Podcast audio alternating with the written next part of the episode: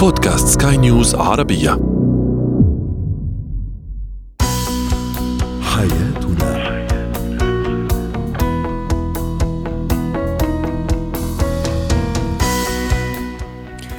مستمعينا الكرام أهلا بكم معنا إلى حياتنا. فضاؤكم اليومي الذي يعنى بشؤون الأسرة وباقي الشؤون الحياتية الأخرى والذي يمكنكم الاستماع إليه عبر منصة سكاي نيوز arabia dot com slash podcast وباقي منصات سكاي نيوز العربيه الأخرى.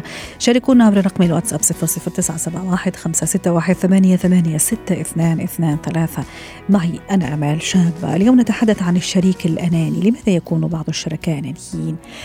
وأيضا ما هي صفات الأنانية عند الشريك وكيف نتعامل مع هذا الشريك؟ أيضا سنتحدث عن كيفية تربية الطفل على الهدوء بدون ضرب وبدون عنف. وأخيرا ما هي الأخطاء التي يجب تلافيها عند مقابلة العمل عن بعد؟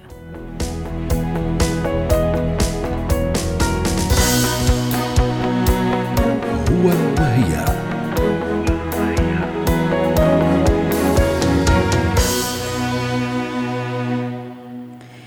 الأنانية سمة موجودة بنسب متفاوتة عفوا عند الكل. طبعا كلنا أنانيون إلى حد ما لكن عندما يكون تكون هذه الأنانية في بيت الزوجية في الأسرة عندما لا يعطي الشريك لشريكه الدعم اللازم عندما يسيطر عندما ينفرد بآرائه هنا تكون الأنانية قد أخذت مجرى ومسار سلبي قد يؤثر على الأسرة. وطبعا سؤالنا التفاعلي اليوم كان ما هي الصفات التي تدل على أنانية الشريك وكيف تتعامل معه أي مع هذا الشريك زوجة كانت أم زوجا للحديث عن هذا الموضوع رحبوا معي بدكتورة كريم أهلية المستشارة النفسية والأسرية ضيفتنا العزيزة من بيروت. يسعد أوقاتك دكتورة كريم في البداية دعيني أستعرض يا أهلا وسهلا فيك. بعض تعليقات السادة المستمعين. تعليق يقول السيطرة والاستخفاف بمشاعر الشريك هي من أهم صفات هذا الشريك الأناني. أيضا تعليق آخر يقول عدم عدم مناقشة الشريك في الأمور الحياتية وتنفيذ الأشياء التي يرغب فيها دون الرجوع إليه. تعليق مرعي هذه المرة من عكا فلسطين يقول أظن أن على كل واحد منا التعرف على الآخر بشكل عميق ودقيق قبل أن يصبح شريك أو يصبح شريكا طبعا وزوج وزوجة حتى نتلافى كل المشاكل. وأخيرا علي يقول المناقشة والتركيز على إيجابيات الشريك الأناني هي من أهم طرق التعامل. معه. دكتورة كريم متى أقول عن زوجي أو زوجتي أنها فعلا أنانية مع العلم مثل ما أشرنا في البداية الأنانية تحبذ لكن بنسب طبعا قليلة لأنه في النهاية لازم نحب نفسنا قبل ما يحبنا الآخرين. صحيح أنا بس بدي أحكي عن أناني أنا ما بقول أناني للزوج أو زوجي بقول شخص أناني لأنه فيه يكون اناني بكل الظروف بكل الأوقات مع كل الأشخاص.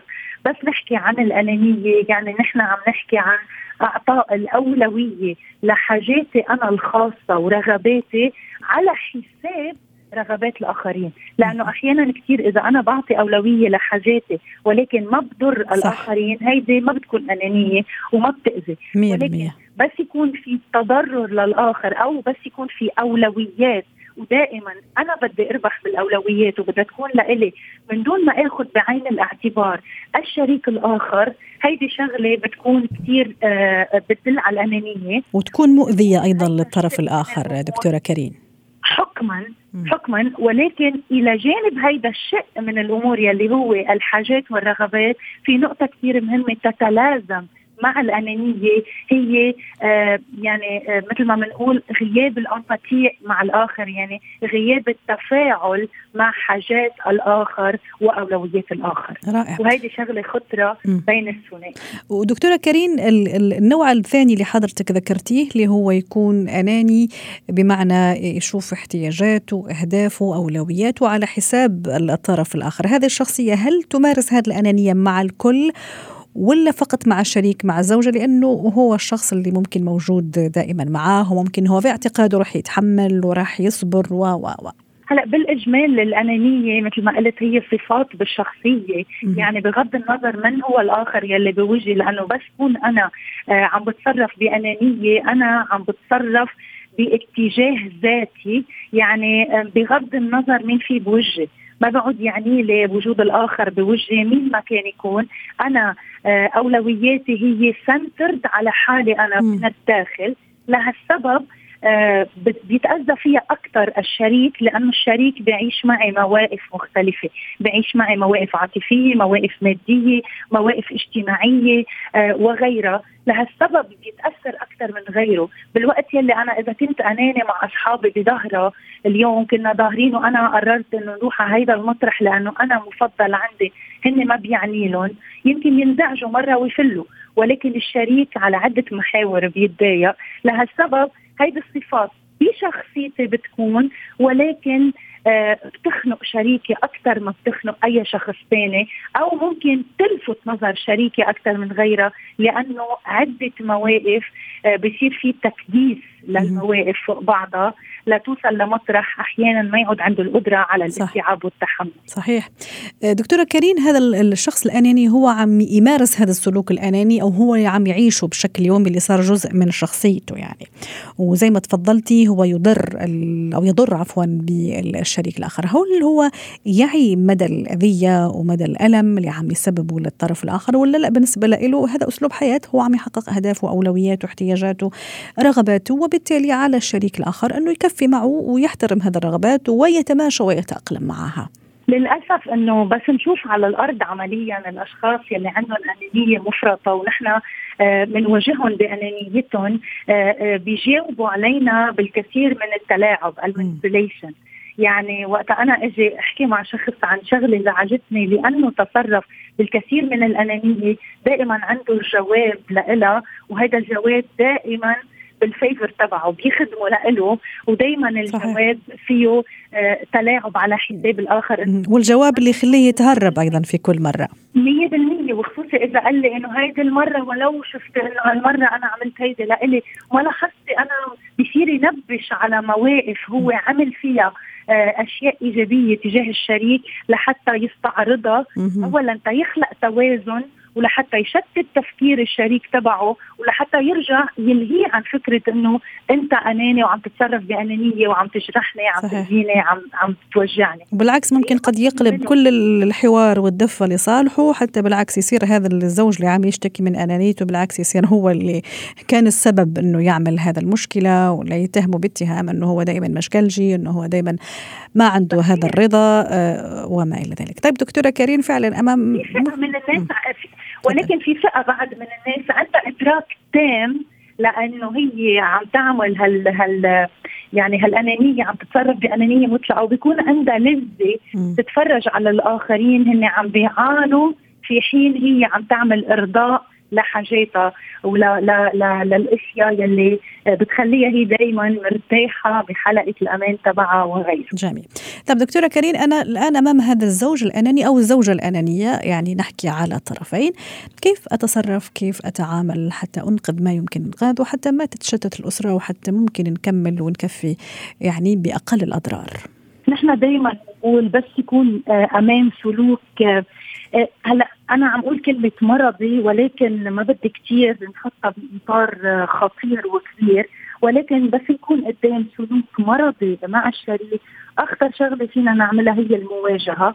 أهم شيء نبعد عن المواجهة مع الشريك تحديدا لحظة اللي بيحدث فيها الموقف ومع الوقت فينا نكون عم نتحاور معه. بالإضافة لهالشيء وقت يكون شريكي أنا عم بيحقق دائما أولوياته وأهدافه وحاجاته على حساب الأشخاص الثانيين أنا هون بصير عندي دور وقت أكون عندي رغبة معينة بعبر عن الحاجة لها وبصير علم حالي إنه أنا بأوقات معينة بقدر وتحديدا إذا هيدا الوقت ما بيتعارض مع أنانية وخصوصية شريكي أنا بصير عبر عن رغبتي عبر عن حاجتي بوقف قدام المطرح يلي أنا عندي فيه حاجة معينة وبطلبها لهيدي الحاجة بكثير من الثقة وبكثير من القوة. ولكن وقت يكون في أه مواقف دائما أه يعني يا بدها تتحقق رغبتي يا رغبة الشريك هون أنا بقدر أخلي الشريك يكون شريك بالقرار معي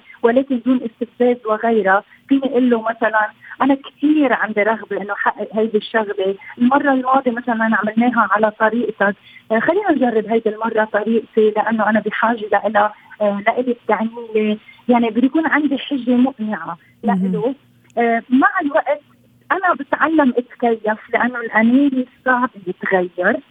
نتعلم أتكيف ومع الوقت بصير أعرف أي متى حقي أولوياتي لإلي من دون ما أكون آه هيك عم بخطفها آه من درب شريكي الأناني. رائع، وموضوع أيضا التركيز على الإيجابيات دكتورة كريم إيجابيات هذا الشريك الأناني أيضا إلى أي درجة ممكن تخفف عن من وطأة آه. الأنانية عنده وفي نفس الوقت أيضا اخليها واخليها تتحمل المسؤولية في جانب من الجوانب. عم نختم دكتورة كريم. سيف سيف ذو حدين. خطره كثير. لأنه الشخص الأناني هو شخص دائما بحاجة لأنك تعملي له تأكيد على الأشياء الحلوة اللي فيه. دائما عنده بحاجة للتأكيد على آه، حقيقة آه، أفعاله على مشاعره على الشغلة اللي قام فيها القرار اللي عمله.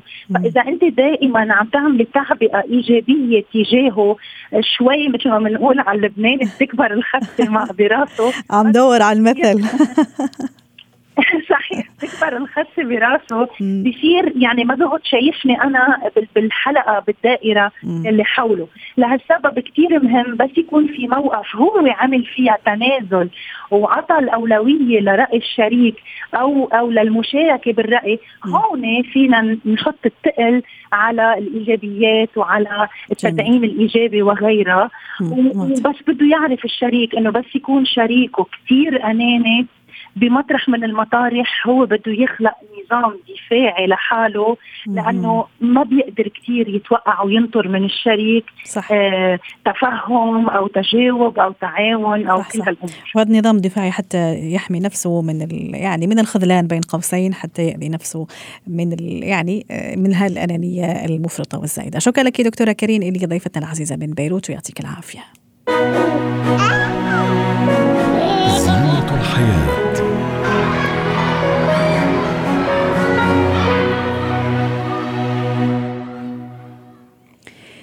اليوم في زينة الحياة سنتحدث عن طرق لتربية الأطفال على الهدوء بدون ضرب. طبعا كل الأمهات ينشدن الهدوء في البيت وأيضا فيما تذهب الدراسات التربوية والخبراء أيضا بأن البيت الذي فيه أطفال وينبعث منه الهدوء هذا البيت طبعا سينعم فيه الأطفال بحياة هادئة وبحياة يعني فيها كثير من السلام والهدوء. كيف نربي أطفالنا على الهدوء ومن غير ضرب؟ ونعلمهم دائما كذا بسلاسة وحب رغم أنه طبعا أحيانا تربية الأطفال فيها كثير من المصاعب وتتطلب صبر كبير في الحقيقة.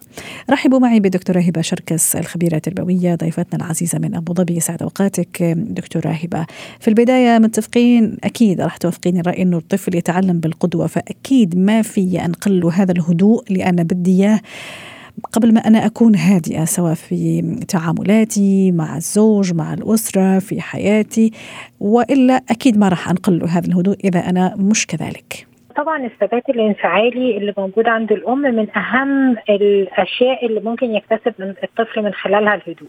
فمهم جدا إن الأم والأب يكون عندهم ثبات انفعالي ويكون عندهم هدوء في التعامل مع الأبناء آه ويكون عندهم صبر وطولة بال وأنية كده على على الأبناء ويعرفوا إن الأطفال عندهم طاقة وإن إحنا دورنا إن إحنا نوظف الطاقة دي بطريقة إيجابية. يعني أنا مش هقدر إن أنا أقعد ابني في مكانه 24 ساعة آه أيا كانت المرحلة العمرية بتاعته لكن في إمكانية إن إحنا نوظف طاقاته بطريقة إيجابية. وتوظيف طاقات الأبناء دي آه يعني إن الطفل ده نبدأ نشوف له نشاط يناسب آه شخصيته وطبيعته ويناسب المرحلة العمرية بتاعته.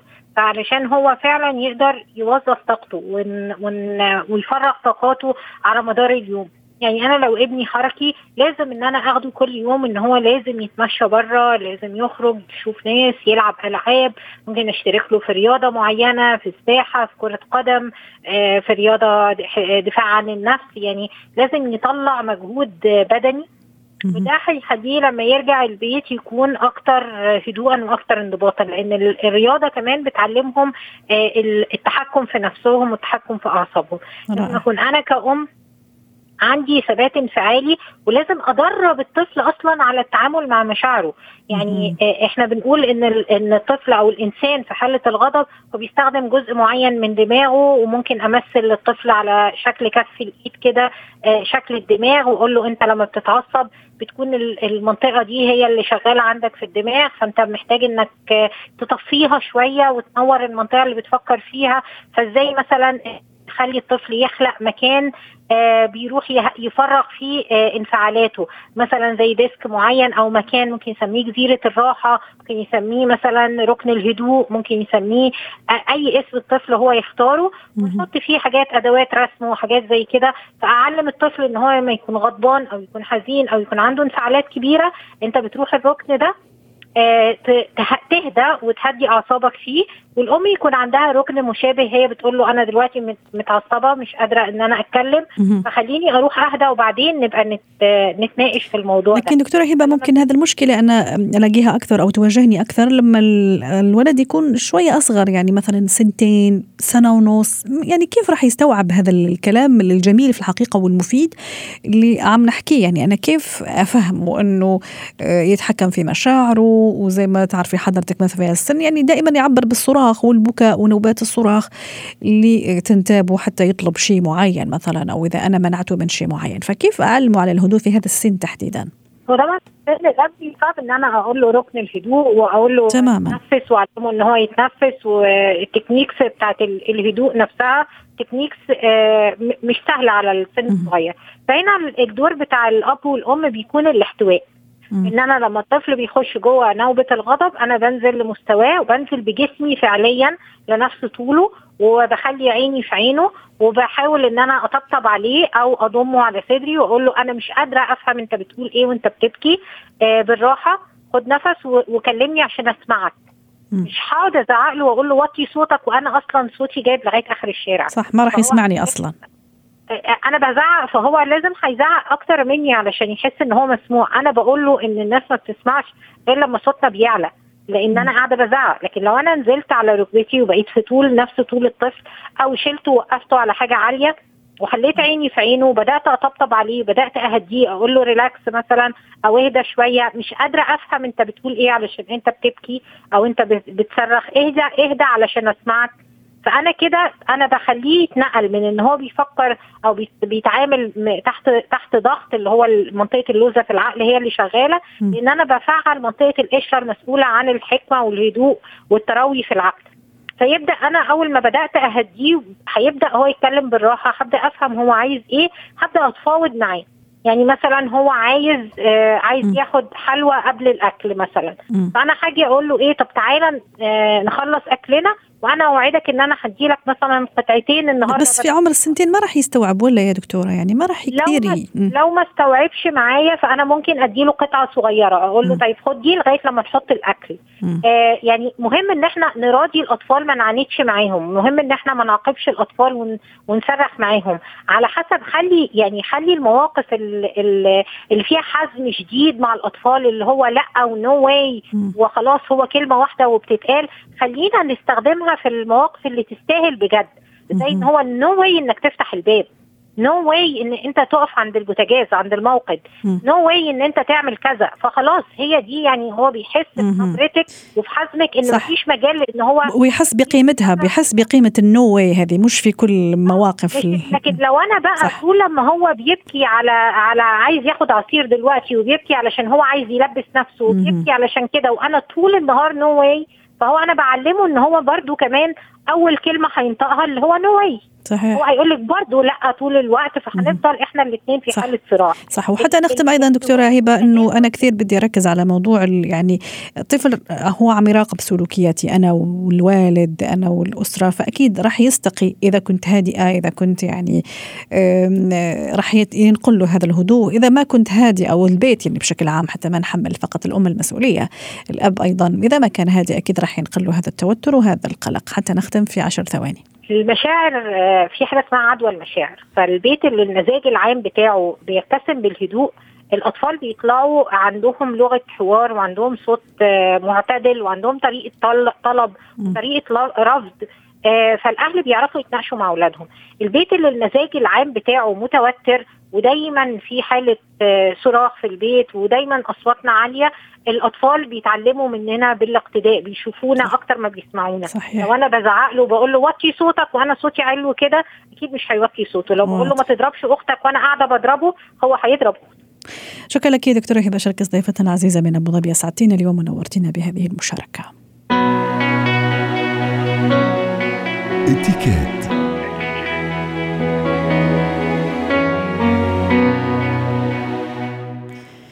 اليوم سنتحدث عن مقابلة العمل عن بعد. ما هي الأخطاء التي يجب أن أتلافاها؟ كيف يكون شكلي؟ كيف يكون مظهري كيف يكون تصرفي أيضا في مقابلة العمل عن بعد؟ طبعا خاصة مع ما فرضته جائحة كورونا في هذا السنتين الأخيرتين.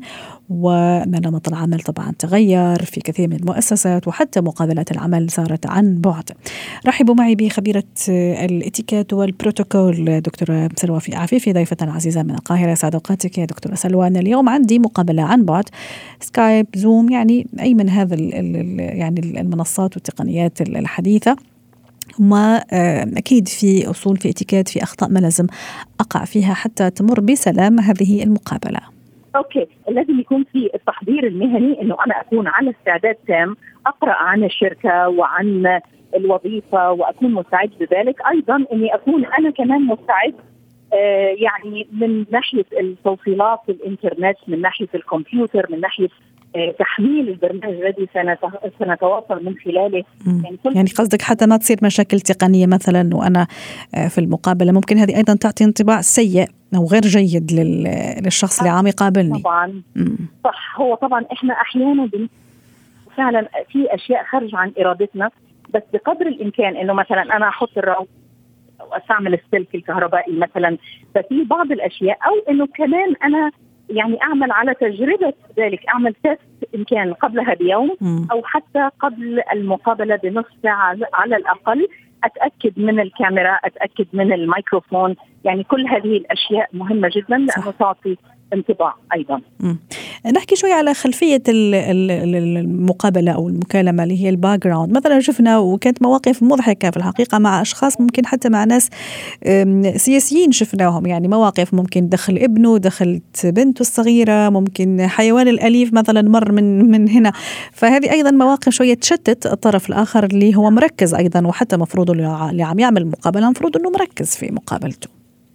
إحنا عادة بنقول لأهل البيت يعني إذا كنت أنا في البيت بهيئ مكان معين آه على الطاولة آه يعني لا أجلس على السرير مثلا بالعكس أنا أكون جالسة على طاولة مكتب آه الخلفية ورايا تكون غير مشوشة. آه أبلغ أهل البيت إنه أنا مثلا عندي اجتماع مهم وسأضطر إلى يعني العزلة أو الهدوء ربع ساعة.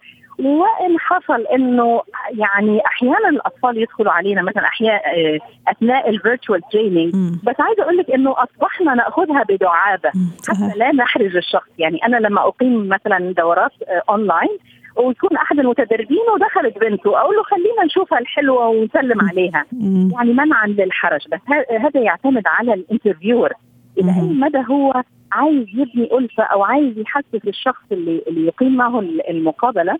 إنه يجلس في أريحية، أحيانا يحطوهم في توتر، يعني هو يكون قاصد إنه يحطه في توتر. وعلى ذيك الأريحية دكتورة سلوى يعني المقابلة عن بعد تشوفيها أقل أريحية ولا في نفس يعني توتر المقابلة العادية ولا أكثر؟ شوفي أنا أنا دائما أقول للناس حاول تتحكم في أعصابك يعني ما فيش داعي للتوتر، إذا كنت أنت محضر جيدا ومن كل النواحي إن كان النواحي المهنية أو حتى النواحي الشخصية إن كان المكان أو الملبس أو المظهر آه اختياره الصحيح والبادي لانجوج وتبني ألفة. لا بالعكس خليك هادي خذ وقتك في التفكير. كل شيء في الدنيا ليه إيجابيات وسلبيات. يعني يمكن المقابلة عبر الشاشة يمكن أحيانا تفتح لنا المجال نوعا ما. يمكن تسأليني سؤال أكثر مثلا بورقة وقلم. آه يمكن هذا شيء عادي. بس آه أهم شيء إنه نكون مستعدين للإجابات على الأسئلة ولا نكون مثلا نقرأ من على الشاشة هذا يبين آه فلازم يكون في اي كونتاكت لازم يكون في لغة العين اني أنا أنظر إلى الكاميرا واضح. وأكون منتبه جيدا ومستمع جيدا لمحدثي. واضح. شكرا لك دكتورة سلوى عفيفي ضيفتنا العزيزة خبيرة الإتيكيت والبروتوكول ضيفتنا من القاهرة. حياتنا